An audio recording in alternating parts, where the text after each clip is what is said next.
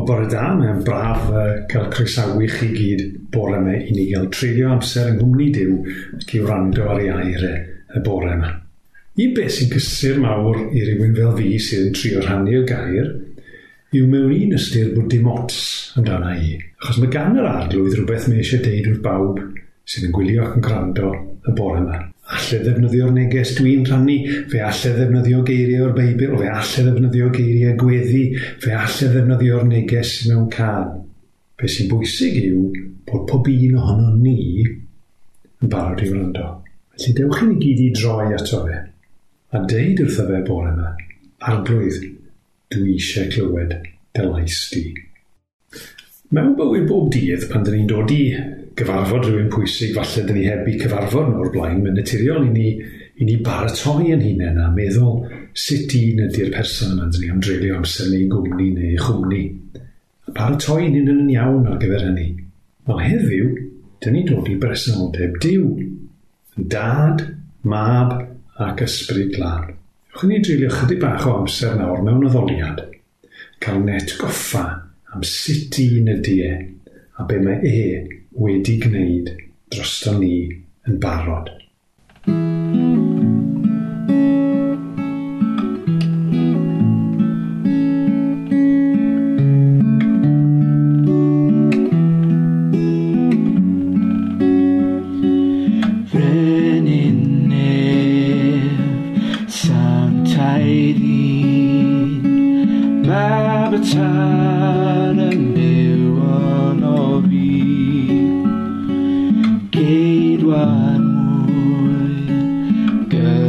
marischi Nestra cuido da nova mis Ruindo da dorse di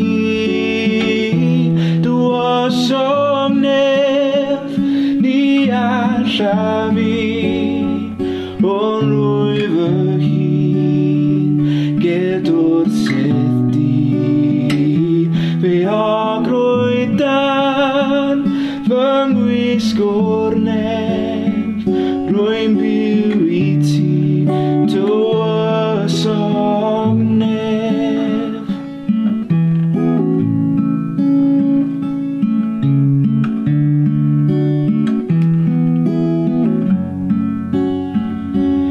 skyline volati gari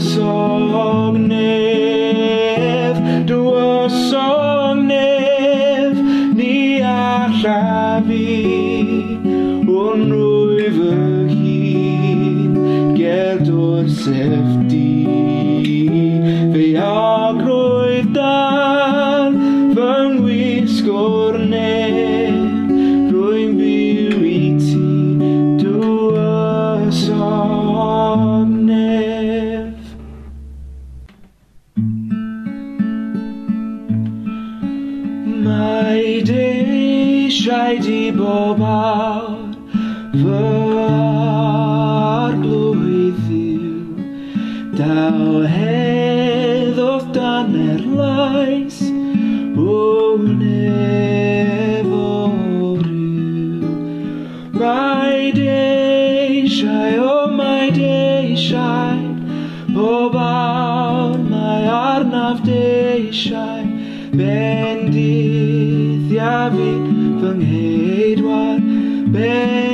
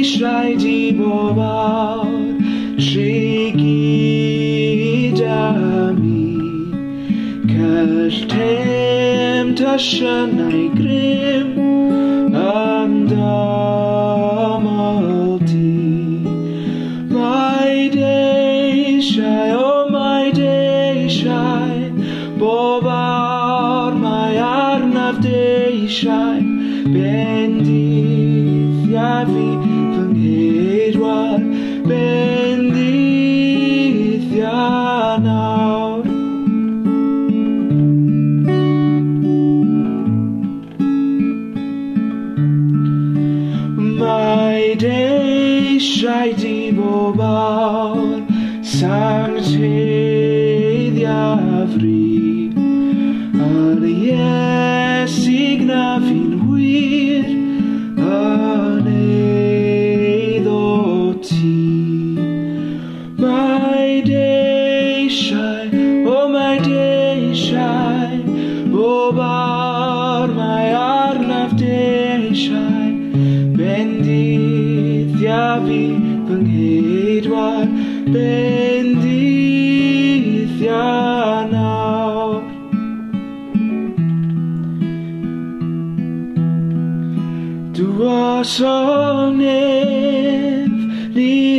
my shine.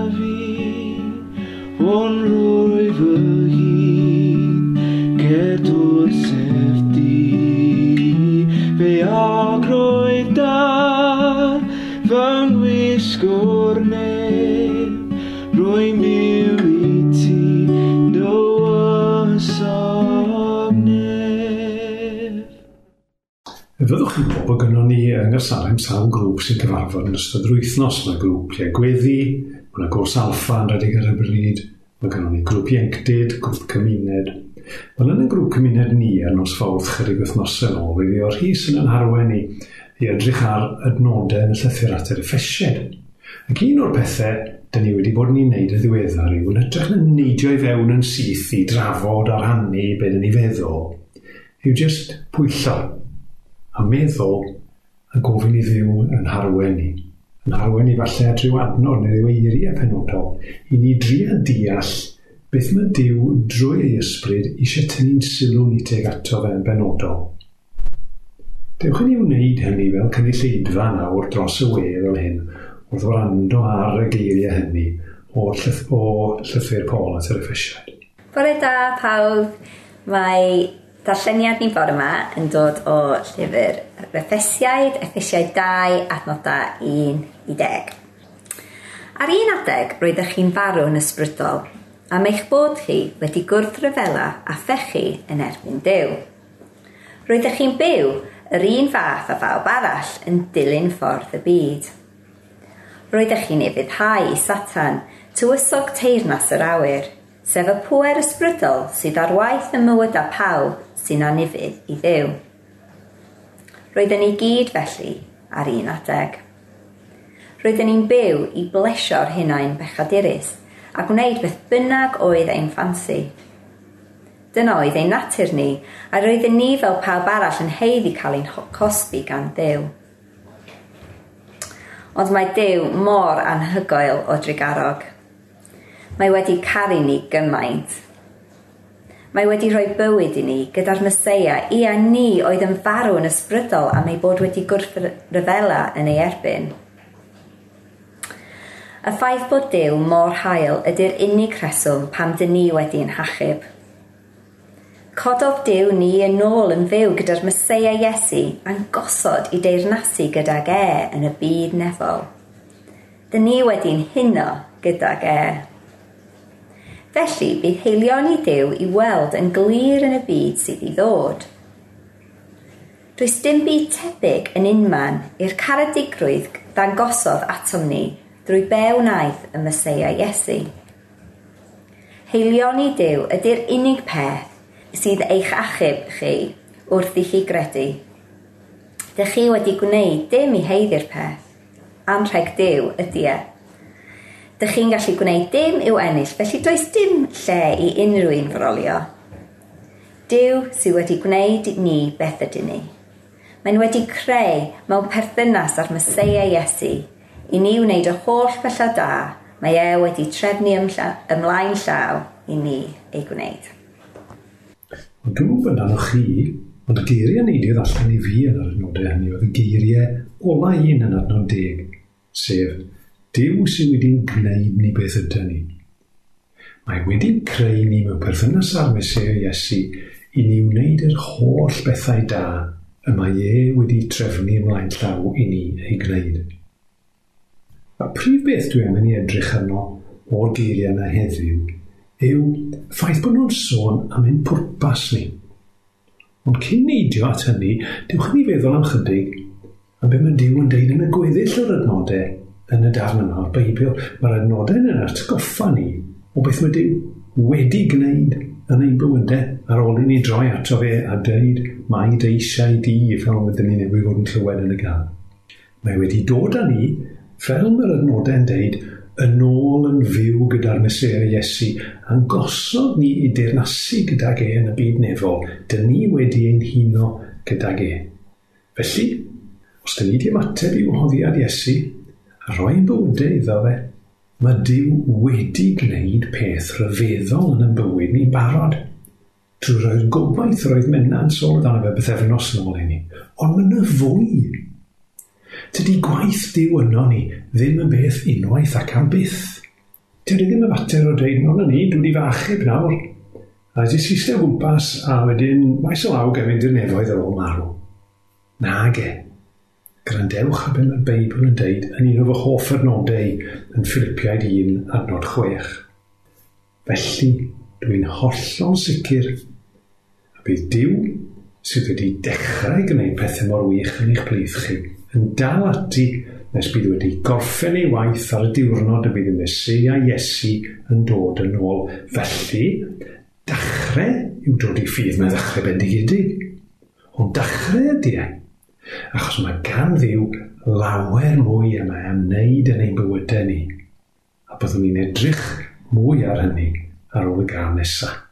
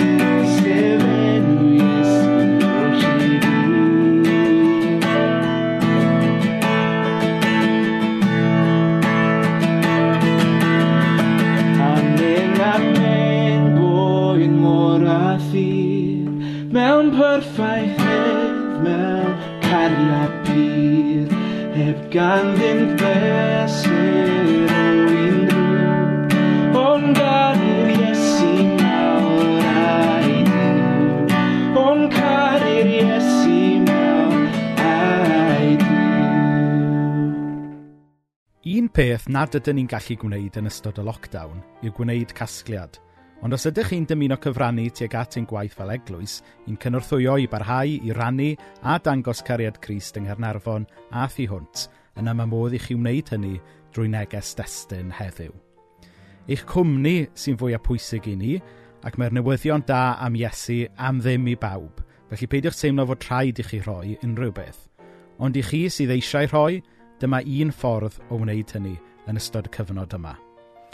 I gyfrannu pint, textiwch C Salem i 7 dim 2 dim 1. I gyfrannu pimpent, textiwch C Salem i i 7 dim 7 dim. I gyfrannu decbent, tecsiwch C Salem i 7 dim 1 9 1. Codir tal neges destun ar eich cyfradd rhwydwaith safonol. Diolch am eich heilioni. Da ni wedi gweld felly bod ffydd yn Iesu yn hachub ni ac yn cynnig bodlondrwydd i ni'n bywydau ni. Ond mae yna lawer mwy na hynny. Dysa yn wir y ffydd yn Iesu yn ddim llawer mwy na rhyw system sydd yn helpu ni feddwl pethau neis yn dan ni'n unen. Ond mae gwirionedd yr efengil gymaint yn fwy na hynny. Ydy wrth gwrs mae'n newyddion da, achos mae'n newid y ffordd dyn ni'n gweld yn hunain, dyn ni'n gweld yn hunain bellach fel plant dim. A dyn ni'n profi dim byd o'i flaen e, ond mae'n llawer mwy na hynny hefyd, achos mae Dyw amweithio mwy yn ni, a'n gwachodd ni i fod yn rhan o rhywbeth arbennig iawn Ac mae hynny yn rhoi pwrpas newydd i ni. Grandwch eto ar effesiau 2 adnod 10. Dyw sydd wedi'n gwneud ni beth ydy ni. Ond wedi mynd ymlaen, mae wedi'n creu ni mewn perthynas ar Mesu a Iesu i ni wneud yr holl bethau da y mae wedi ei trefnu ymlaen llaw i ni ei gwneud. Felly, mae gair Dyw yn dweud bod gan ddiw bwrpas ar ein cyfer ni. Ac mae pawb yn chwilio am hynny. Dyna un o'r bethau sydd wedi bod yn anodd i rai yn ystod y cyfnod clo yma. Mae llawer ohono ni yn yr eglwys a ond dyn ni'n darganfod yn pwrpas yna yn y pethau dyn ni'n ei gwneud. Boed hwnnw'n waith yn rhyw swydd neu rhywbeth all. A os yw hynny wir amdano ni, a bod y cyfnod clod i golygu nad dydyn ni medru gwneud y beth yna, falle bod e'n teimlo bod y pwrpas ni wedi dwyno ddi wrtho ni. Ac mae rai wedi cael trafferth efo hynny. Dwi ddim wedi bod yn hawdd. Os di'r pethau wedi mynd, beth yw fy mwrpas i wedyn ni? Wel neges diw i ni dreu'r heddiw yw Mae Dyw sydd wedi'n gwneud ni beth ydyn ni. Trwy ei waith yn yr achub ni, trwy ei waith yn yr hadfer ni, trwy ei waith yn gweithio yn ei bywydau ni, mae Dyw wedi gwneud rhywbeth newydd yno ni ac mae'n parhau i wneud. Dewch ni feddwl am beth mae Dyw wedi cyflawni yn ein bywydau ni heddiw. A dewch ni gofio be mae'r adnod yn dweud, Dyw sydd wedi'n gwneud, past tense. Hynny yw, os da ni wedi ymateb i wahoddiad Iesu, mewn un ystyr mae ei waith wedi gorffen. Mae wedi gwneud rhywbeth gwych yn ni. Fe mae Iwan 1 adnod 12 yn deud, ond cafodd pawb wnaeth ei dderbyn, sef rai sy'n credu ynddo, hawl i ddod yn blant Dyw. Felly, yn pwrpas ni yw bod yn blant i Ddew. Ac mae hynny'n sicr ac yn ddiogel beth bynnag yw'r amgylchiadau. Beth bynnag dyn ni'n cael gwneud neu ddim yn cael gwneud. Ond mae'n y fwy eto. Dewch i ni fyfyrio yn dawel am chydig am yr hyn mae Dyw wedi gwneud yn ein bywydau ni ac am y ffaith bod ganddo fwy eto mae eisiau ei wneud. Felly, mae gynnwn ni newyddion da i'w dderbyn ac i'w rannu heddiw. Mae wedi cyflawni gymaint yn ei bywydau ni, ac mae gynnaf fe gymaint fwy eto. Mae eisiau dal ati nes bydd wedi gorffen ei waith. Ac mae e am i ni fwynhau gwneud yr holl bethau da y mae e wedi trefnu ymlaen llaw i ni i gwneud. Ond dewch yn ni fod yn onest, dwi e ddim cweit mor hawdd yn hynny, nag di. Weithiau, dyn ni stryglo a gwybod yn union beth yw'n pwrpas ni. A mae gynnon ni dieddiad i feddwl bod rhai pethau, rhai swyddi, rhai gweinidogaethau yn bwysicach na'r ei eraill. Mae'n wir yn y byd o'n cwmpas ni. Ac un peth diddorol yn y gymdeithas ni yw, yn ystod ar argyfwng diweddar, dyn ni wedi sylweddoli pwysigrwydd bob math o wahanol swyddi. Pa mor bwysig ydy gyrwyr lori, gyrwyr bysiau, gweithwyr siopau, pa mor bwysig maen nhw wedi bod yn ystod yr argyfwng? O fe dyn ni'n just pwyntio'r bus tu allan, mae wedi bod yn wir yn dan o'n i yn yn eglwysi hefyd, lle dyn ni wedi bod yn dieddol osod rhai pethau ar bedestal, a meddwl bod pethau eraill ddim mor bwysig. Ystalwr, roeddwn ni'n wir am y gwnidog, oedd y gwnidog i fyny fan hyn. Ond efallai bod dal perig i ni heddiw i feddwl bod ni fod i roi mwy o sylw i rai pethau. Meddwl bod y rhai ohono ni sy'n gwneud pethau goeddus neu'n gwneud pethau ar y we sydd yn bwysig, ond nid dyna fel mae Dyw yn gran pethau. Mae llyfr cyntaf Samuel yn dweud, tydi Dyw ddim yn edrych ar bethau yr un fath ag yna'i pobl. Mae pobl yn edrych ar y tu allan, ond mae'r arglwydd yn edrych ar sut berson ydy rhywun go iawn. Ac yn y Testament Newydd, yn 1 Pedr, penod 2, adnod 5, mae Dyw yn siarad â ni i gyd fel i bobl e, ac yn dweud wrth bob un ohono ni, dych chi fel cerig sy'n fyw ac yn anadlu. Ac mae Dyw yn eich defnyddio chi i adeiladu ei deml ysbrydol. A chi hefyd ydy'r offeiriad sydd wedi cael eich dewis i gyflwyno a berthau ysbrydol i ddew a berthau sy'n dderbyniol o achos be wnaeth Iesu Grist. A mae hyn yn neges i bawb yn yr eglwys, dim i rai pobl yn unig. Mae Dyw am ein defnyddio ni i gyd, pob un ohono ni, lle ydym ni i adeiladu ei deml ysbrydol. Mae hynny'n wir heddiw. Mae'n wir yng nghanol y pandemig. Bydd e'n wir fel dyn ni'n dod allan o'r argyfwng, a fi fydd e'n wir wedyn. Mae gan ddiw bwrpas ar ein cyfer ni nawr, beth bynnag yn amgylchiadau ni. Yn pwrpas ni ydy bod yn blant iddo fe a'i wasanaethu e. Dewch ni gofio, does na byd yn surprise i ddiw. Dydy'r argyfwng yma ddim yn surprise i ddiw. Mae gennym fe bwrpas i ni yng nghanol hwn. A falle bod e ddim beth oedden ni'n disgwyl. Ond dyna'i bwrpas ar ein cyfer ni. Weithiau, dyn ni'n poeni am y darlun mawr, a falle heb angen Dwi'n cofio darlun gan G.I. Packer ei lyfr gwych Knowing God. A oedd e'n disgrifio fel ydyn ni weithiau, fel y tren bach ar y llunellau tren dan ddeiar yna. Fel tren bach, dwi e ddim yn help os dwi'n poeni ynglyn â pa signal sy'n dod i fyny mewn 2-2 milltir, neu beth sy'n digwydd i'r tren sydd ar y trac yna sydd angen symud o'r ffordd. Mater i'r sawl sydd yn ystafell rheoli ydy hynny. Beth sydd angen yw i ni ddilyn y trac nes ma'n ôl y coch yn deud stop, neu golau oren yn deud arafwch, neu golau gwyrdd yn deud iawn, mynd nawr. Ers dalwm byddai Cresnogion yn cyfeirio tynnu fel dilyn llwybr i fuddod. Dyna, dy, dyna di hynny, a mi wediwn ni ddysgu lot o hynny. Os ydym ni wedi derbyn Iesu, dewch i ni gofio rhai pethau pwysig mae'r adnodau yma yn dysgu ni dewch i ni gofio pwy ydyn ni. Yn bod ni, oherwydd gwaith Iesu Grist, yn blant i ddew. Dewch i ni gofio bod ganddo fe bwrpas ar ein cyferni. A diolch iddo fe am hynny. Dewch i ni gofio i fod e'n gweithio'r pwrpas hynny allan, lle rydyn ni nawr, a bod yn barod i ymddiried ynddo fe yn hynny. Dewch i ni roi yn hunain iddo fe a gofyn iddo fe ein harwain ni a'n defnyddio ni fel ei blant yn, chi'n gofio'r adnod, yr holl bethau da y mae e wedi trefnu ymlaen llaw i ni ei gwneud. Ti da dy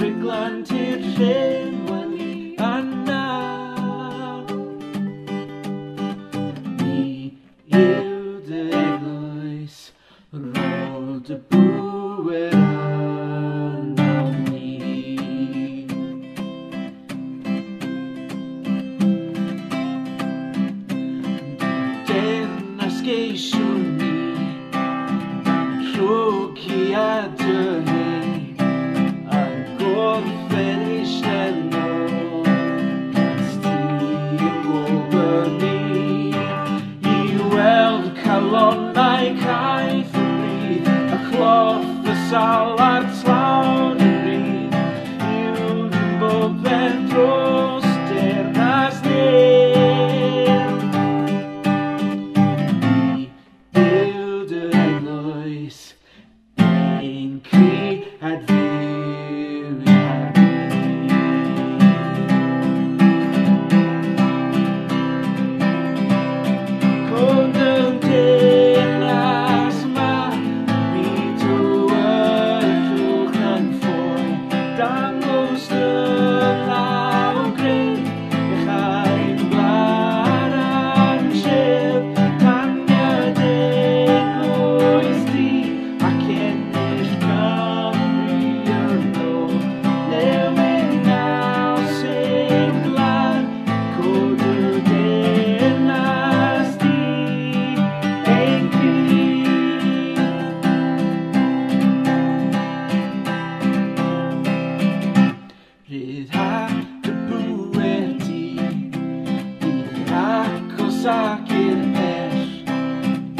dim as I talk.